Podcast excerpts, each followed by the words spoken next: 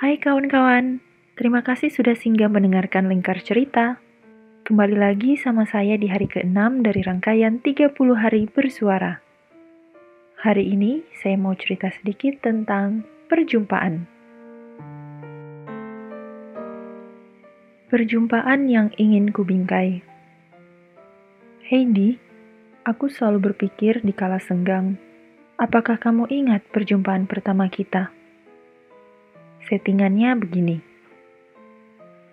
Pada suatu siang yang terik di lapangan sekolah, saat pertama kali kita mempersiapkan upacara hari Senin di tingkat 2, terdengar suara siswa-siswa yang sedang berbincang, mengusulkan lagu pilihan untuk dinyanyikan saat upacara.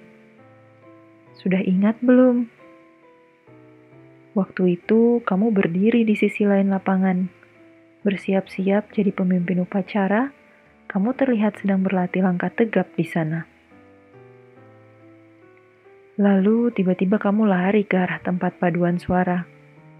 Tempatku berbaur dengan siswa-siswa lain dari kelas kita.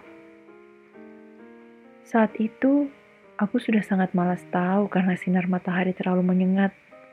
Udara yang kelewat panas, mungkin suhu waktu itu hampir 40 derajat. Aku sudah kalah telak dengan cuaca itu. Sebagai pencinta hujan, aku sangat nekat untuk berada di bawah langit yang cerah dan panas seperti itu. Mataku juga jadi ke mana-mana saking tidak fokusnya. Lalu saat kau datang, perhatianku langsung tertuju padamu. Masih mencoba mengingat siapa namamu, karena kita baru saja jadi teman satu kelas. Tiba-tiba angin semilir bertiup dan awan yang cukup meneduhkan juga datang. Sudah seperti drama belum? Tapi anehnya, ada sedikit rasa sedih terselip dalam rasa penasaran dan kagumku waktu itu. Sampai di sini, kamu sudah ingat. Lanjut ya.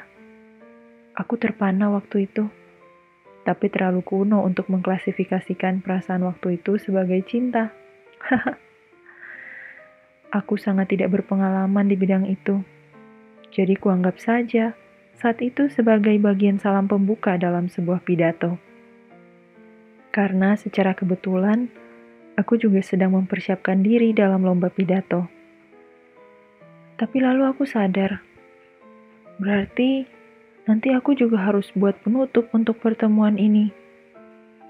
Pikirku saat itu, aku akan membuat isi pidato yang panjang nanti. Jangan sampai pidato tentangmu ini terlalu singkat. Pembahasannya harus terperinci dan panjang. Sayang sekali, aku malah yang lupa kalau ada sedikit rasa sedih yang terselip waktu itu. Mungkin dia sudah memberi peringatan kalau nanti hanya aku yang sakit di penghujung pertemuan kita. Karena saat kau pun sudah selesai dengan perjumpaan ini, Aku masih belum selesai-selesai juga membahasmu dalam pidatoku. Aku masih enggan menulis penutup tentangmu, merangkum semua yang kubahas tentangmu, mengucapkan terima kasih pada semua yang mendengarkan pidato ini. Padahal aku selalu ingat satu ungkapan yang tidak pernah benar-benar kusukai. Di mana ada perjumpaan, pasti akan ada perpisahan. Sekarang kamu tahu kan kenapa aku tidak pernah benar-benar menyukai ungkapan itu? Jadi, saat nanti pidato ini selesai, izinkan aku membingkai bagian pembukaannya ya.